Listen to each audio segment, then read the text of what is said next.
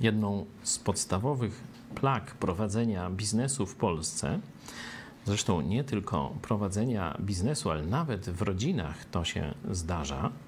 Słyszałem wiele historii, że ktoś komuś podżyrował pożyczkę i czy przyjaciel, czy ktoś bliski spieprzył na przykład za granicę, a no tam ten, któremu podżyrował, musiał oddawać. To jest bardzo powszechne zjawisko, że kontrahentom się nie płaci, bierze się towar, podpisuje się umowę, a czy fakturę, a z zapłatą się bardzo, bardzo długo zwleka.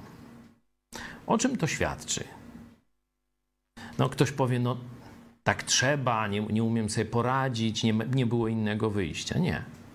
Słowo Boże jest tu ostre i w sposób bezdyskusyjny, bezapelacyjny rozstrzyga ten problem. Zobaczcie sobie, Psalm 37, werset 21. Weźcie sobie ten werset dla swoich kontrahentów, drukujcie na fakturach, nie? żeby taki, taki może być dopisek.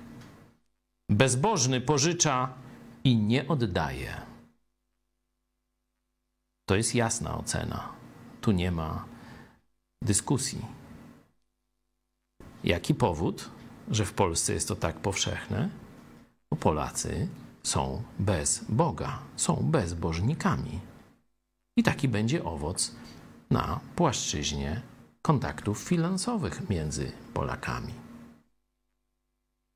Kolejny przyczynek do ewangelizacji Polski.